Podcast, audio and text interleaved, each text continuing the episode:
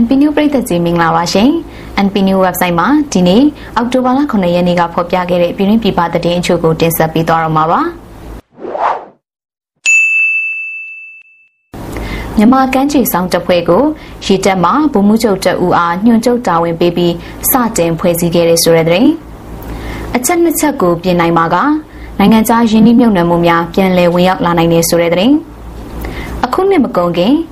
အမေရိကန်နဲ့တရုတ်သမ္မတနှစ်ဦးတွေ့ဆုံဆွေးနွေးပွဲရှိနေတဲ့ဆိုတဲ့သတင်းနဲ့ပြင်သစ်ကက်သလစ်ဘုန်းတော်ကြီးများကကလေးတငယ်3သိန်း3000ခန့်ကိုလိမ်ပိုင်းဆိုင်ရာအာရမကျင့်စော်ကားခဲ့တဲ့ဆိုတဲ့သတင်းအတွက်ရှက်မိကြောင်းပုပ်ယဟန်မင်းကြီး Francis ပြောရဲဆိုတဲ့သတင်းစတဲ့သတင်းတွေကိုတင်ဆက်ပေးသွားတော့မှာပါမြန်မာနိုင်ငံကမ်းခြေဆောင်တပ်ဖွဲ့ကိုတမတော်ရီမှာဘုံမှုချုပ်တအူအားညွှန်ချုပ်တာဝန်ပေးပြီးအောက်တိုဘာလ6ရက်နေ့ကစတင်ဖွဲ့စည်းလိုက်ပြီးဖြစ်တယ်လို့သိရပါတယ်။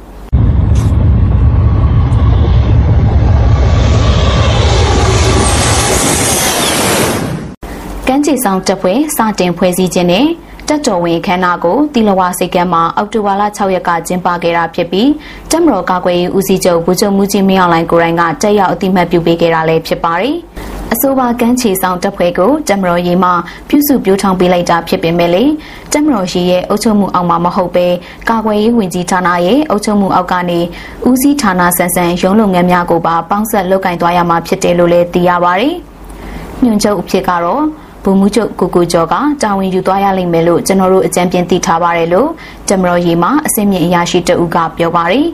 ညွန်ချုပ်နဲ့အတူကမ်းခြေဆောင်တပ်ဖွဲ့အင်အားကရာကနန်းရှိမှဖြစ်ပြီးနောက်ပိုင်းမှာကိုပိုင်ဌာနကိုအစင်းမြင့်တင်ပြထောင်မှုများဆက်လက်လုပ်သွားမှာဖြစ်တယ်လို့သိရပါတယ်နိုင်ငံတကာမှာကမ်းခြေဆောင်တပ်ဖွဲ့တွေနဲ့လုပ်ငန်းပိုင်းဆိုင်ရာချိတ်ဆက်လှုပ်ဆောင်တာတွေရှိလာမှာဖြစ်ပြီးမြမကမ်းလွန်ပင်လယ်အထိအမှုခင်းပြဿနာများကိုကင်တွယ်ဖြေရှင်းနိုင်မှာဖြစ်တယ်လို့လည်းသိရပါတယ်။ ကမ်းခြေဆောင်တပ်ဖွဲ့မှာစစ်သည်မော်၄စင်းရှိထားပြီးအဆိုပါစစ်သည်မော်များနဲ့မြမကန်ယူရန်ပိုင်တဲ့ရေပြင်များကိုကာကွယ်စောင့်ရှောက်မှုများစတင်လှုပ်ဆောင်မှာဖြစ်ကြောင်းအထူးသဖြင့်အမှုအခင်းရေးရများကိုအဓိကကင်တွယ်မှာဖြစ်ပြီးဗိုလ်ချုပ်မှုကြီးမင်းအောင်လှိုင်ရဲ့မိကွန်းမှာကတော့စစ်မှတ်ရေးရများဖြစ်လာချိန်မှာအထောက်အကူပြုနိုင်စေဖို့အတွက်ရည်ရွယ်ထားတယ်လို့ဖော်ပြထားပါတယ်။ကမ်းခြေဆောင်တပ်ဖွဲ့ရဲ့ရုံးဆိုင်ရာဌာနကိုလည်းတက်မတော်ရေးပိုင်ဆိုင်ခဲ့တဲ့ ရေတပ်ဌာနချုပ်တစ်ခုခုကိုလွှဲပြောင်းပေးနိုင်ခြင်းရှိနေပြီးစီမံခန့်ခွဲမှုအပိုင်းကိုတော့တက်မတော်ရှိအောက်ကနေဖြည်းဖြည်းချင်းအသွင်ပြောင်းလဲသွားမှာဖြစ်တယ်လို့သိရပါတယ်။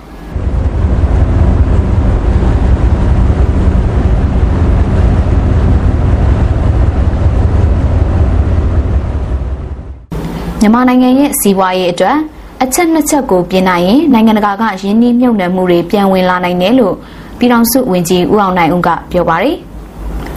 နိုင်ငံတကာယင်းနှိမ့်မြုပ်နှံသူတွေအနေနဲ့မြန်မာနိုင်ငံအတွင်းယင်းနှိမ့်မြုပ်နှံမှုလုပ်ငန်းများလာရောက်လုပ်ကင်လိုပေမဲ့လည်းအဓိကအချက်နှစ်ချက်ကိုစိုးရိမ်ပူပန်နေတာကြောင့်ဖြစ်တယ်လို့ယင်းနှိမ့်မြုပ်နှံမှုနဲ့နိုင်ငံခြားစီးပွားဆက်သွယ်ရေးဝန်ကြီးဌာနပြည်ထောင်စုဝန်ကြီးဦးအောင်နိုင်ဦးက NP News ကိုပြောပါရယ်လက်ရှိချိန်မှာမြန်မာနိုင်ငံအနေနဲ့နိုင်ငံတကာနဲ့ယာနှုံးပြပုံမှန်ဆက်ဆံမှုမရှိပေမဲ့လည်းယာဂိုင်နှုံးအများစုကပုံမှန်ဆက်ဆံနေစေရှိတယ်လို့သိရပါရယ်။ နိုင်ငံတကာယင်းနှိမ့်မြုပ်နှံသူတွေအားလုံးအနေနဲ့နံပါတ်1ကနိုင်ငံရေးတည်ငြိမ်မှုနံပါတ်2ကမူဝါဒတွေတည်ငြိမ်မှုဒီနှစ်ခုကသူတို့စိတ်အပူဆုံးကိစ္စဖြစ်တယ်မူဝါဒတည်ငြိမ်မှုအတွက်ကကျွန်တော်တို့ကအာမခံလို့ရတယ်ကျွန်တော်တို့တိုင်းပြည်ရဲ့စီးပွားရေးပြန်တည်ငြိမ်ပြီးပြန်ဦးမောဖို့က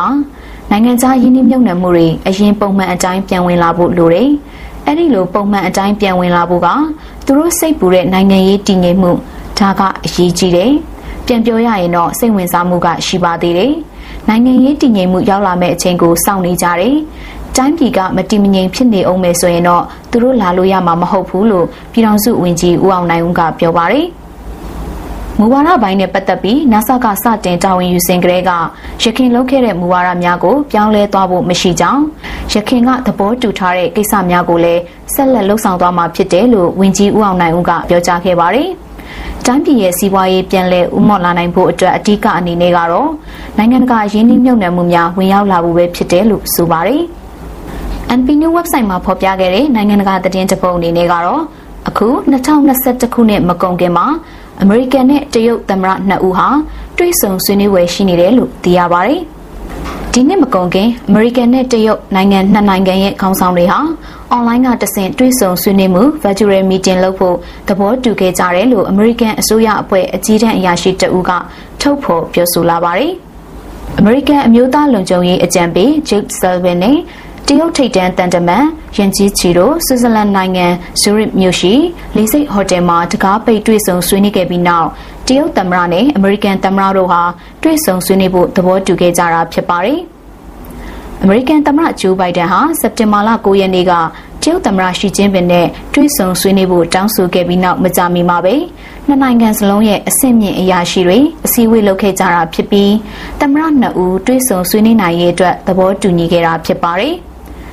ဂျိတ်ဆယ်ဗင်နဲ့တရုတ်ထိပ်တန်းတန်တမန်ယန်ကြီးရှီတို့တွေ့ဆုံဆွေးနွေးချိန်အတွင်းတောင်တရုတ်ပင်လယ်အတွင်း တရုတ်ရဲ့လုပ်ရက်တွင်အပြင်ထိုင်ဝမ်၊ရှင်ကျန်းနဲ့ဟောင်ကောင်တို့ရဲ့လူအခွင့်အရေးအခြေအနေတွေနဲ့ပတ်သက်ပြီးစိုးရိမ်ရတဲ့အကြောင်းတွေကိုအဓိကထားဆွေးနွေးခဲ့တယ်လို့အမေရိကန်အစိုးရကပြောပါတယ်။နောက်ထပ်နိုင်ငံတကာသတင်းချက်ပုတ်အနေနဲ့ကတော့ပြင်သစ်ခရီးရန်ကျောင်းတွေမှာပြင်သစ်ကက်သလစ်ဘုန်းတော်ကြီးတွေကခလေးတငယ်3သိန်း3000ခန့်ကိုလိမ်ပိုင်းဆိုင်ရာအနိုင်ကျင့်စော်ကားခဲ့တဲ့ဆိုတဲ့အရှုပ်တော်ပုံသတင်းအတွက်ရှက်မိကြောင်းပုပ်ယဟန်မင်းကြီး Francis ကပြောကြားလိုက်ပါတယ်။ ပုပ်ယဟန်မင်းကြီး Francis ကပြင်သစ်ကက်သလစ်ဘုန်းတော်ကြီးတွေကအသက်မပြည့်အရွယ်မရောက်သေးတဲ့ကလေးငယ်များအားလိမ်ပိုင်းဆိုင်ရာစော်ကားခဲ့တဲ့ဆိုတဲ့သတင်းအတွက်ဝမ်းနည်းမိကြောင်းအစီရင်ခံစာတင်ခဲ့ပြီးတဲ့နောက်၎င်းအနေနဲ့အလွန်ကိုရှက်မိကြောင်းထုတ်ဖော်ပြောကြားခဲ့ပါတယ်။ပြင်သစ်ကက်သလစ်ဘုရားရှိခိုးကျောင်းတွင်လွန်ခဲ့တဲ့အနှစ်80ကလေးကစတင်လာတဲ့ကလေးတငယ်လိမ်ပိုင်းဆိုင်ရာအနိုင်ကျင့်စော်ကားခံခဲ့ရတဲ့ကလေးငယ်3သိန်း3000ခန့်ထိရှိခဲ့ပြီးဖြစ်တယ်လို့သိရပါတယ်။ အဆိုပါလုပ်ရဲ့ကြောင့်ထိခိုက်ခံစားခဲ့ရသူများအတွက်ဝမ်းနည်းမိကြောင်းအဆိုပါအဖြစ်ပြက်အတွက်အဖြစ်မှန်သိရစေဖို့အချိန်ကြာခဲ့တာကြောင့်လည်းရှက်မိကြောင်းပုပ်ယဟန်မင်းကြီး Francis ကပြောခဲ့ပါတယ်။1950ခုနှစ်မှာစတင်ကဆယ်စုနှစ်9ခုအတွင်းပြင်သစ်ကက်သလစ်ဘုန်းတော်ကြီးတွေဟာအရွယ်မရောက်သေးသူ3သိန်း3000ဝန်းကျင်ခန့်ကိုလိမ်မိုင်းဆိုင်ရာစော်ကားမှုများပြုလုပ်ခဲ့ကြောင်းလွတ်လပ်သောကော်မရှင်တစ်ခုကအောက်တိုဘာလ9ရက်မှာထုတ်ပေါ်ပြောကြားခဲ့တာဖြစ်ပါတယ်။ ကော်မရှင်ရဲ့နှစ်နှစ်ခွဲစုံစမ်းစစ်ဆေးမှုနဲ့စာမျက်နှာ2500ပါအစီရင်ခံစာကပြင်သစ်နဲ့ကမ္ဘာတဝန်းအလွဲသုံးစားမှုများနဲ့တရားစွဲဆိုမှုများတိုးပွားလာနေတာကိုဖော်ပြထားပါတယ်။2013ခုနှစ်ကပုပ်ယဟန်မင်းကြီး Francis ရွေးကောက်တင်မြှောက်ခံရကြတဲ့ကအကြီးမားဆုံးစိန်ခေါ်မှုတွေတဲကတစ်ခုဟာဓမ္မဆရာများရဲ့လိမ်မိုင်းဆိုင်ရာစော်ကားမှုနဲ့ပတ်သက်တဲ့အမှုများစွာကိုကင်တွယ်ရတာဖြစ်တယ်လို့လည်းသိရပါတယ်။ဓမ္မဆရာတွေက လိမ်မိုင်းဆိုင်ရာအလွဲသုံးစားပြုလုပ်ခဲ့တာတွေရှိပါကအစီရင်ခံမှုမဖြစ်မနေပြုလုပ်ဖို့ဗာတီကန်ဥပဒေကိုပြောင်းလဲခဲ့ပေမဲ့လည်းလိမ်အလွဲသုံးစားပြုလုပ်ခံရသူတွေရှိနေစေပဲဖြစ်ပါတယ်။ Francis ကအခုလိုအခြေအနေမျိုးထက်တလဲလဲမဖြစ်စေဖို့အတွက်ခရိယန်များကိုတိုက်တွန်းခဲ့တယ်လို့လည်းသိရပါတယ်။အခုတင်ဆက်ပေးခဲ့တာကဒီနေ့အောက်တိုဘာလ9ရက်နေ့အတွင်းမှာ NP New website မှာဖော်ပြခဲ့တဲ့သတင်းအချို့ပဲဖြစ်ပါတယ်ရှင်။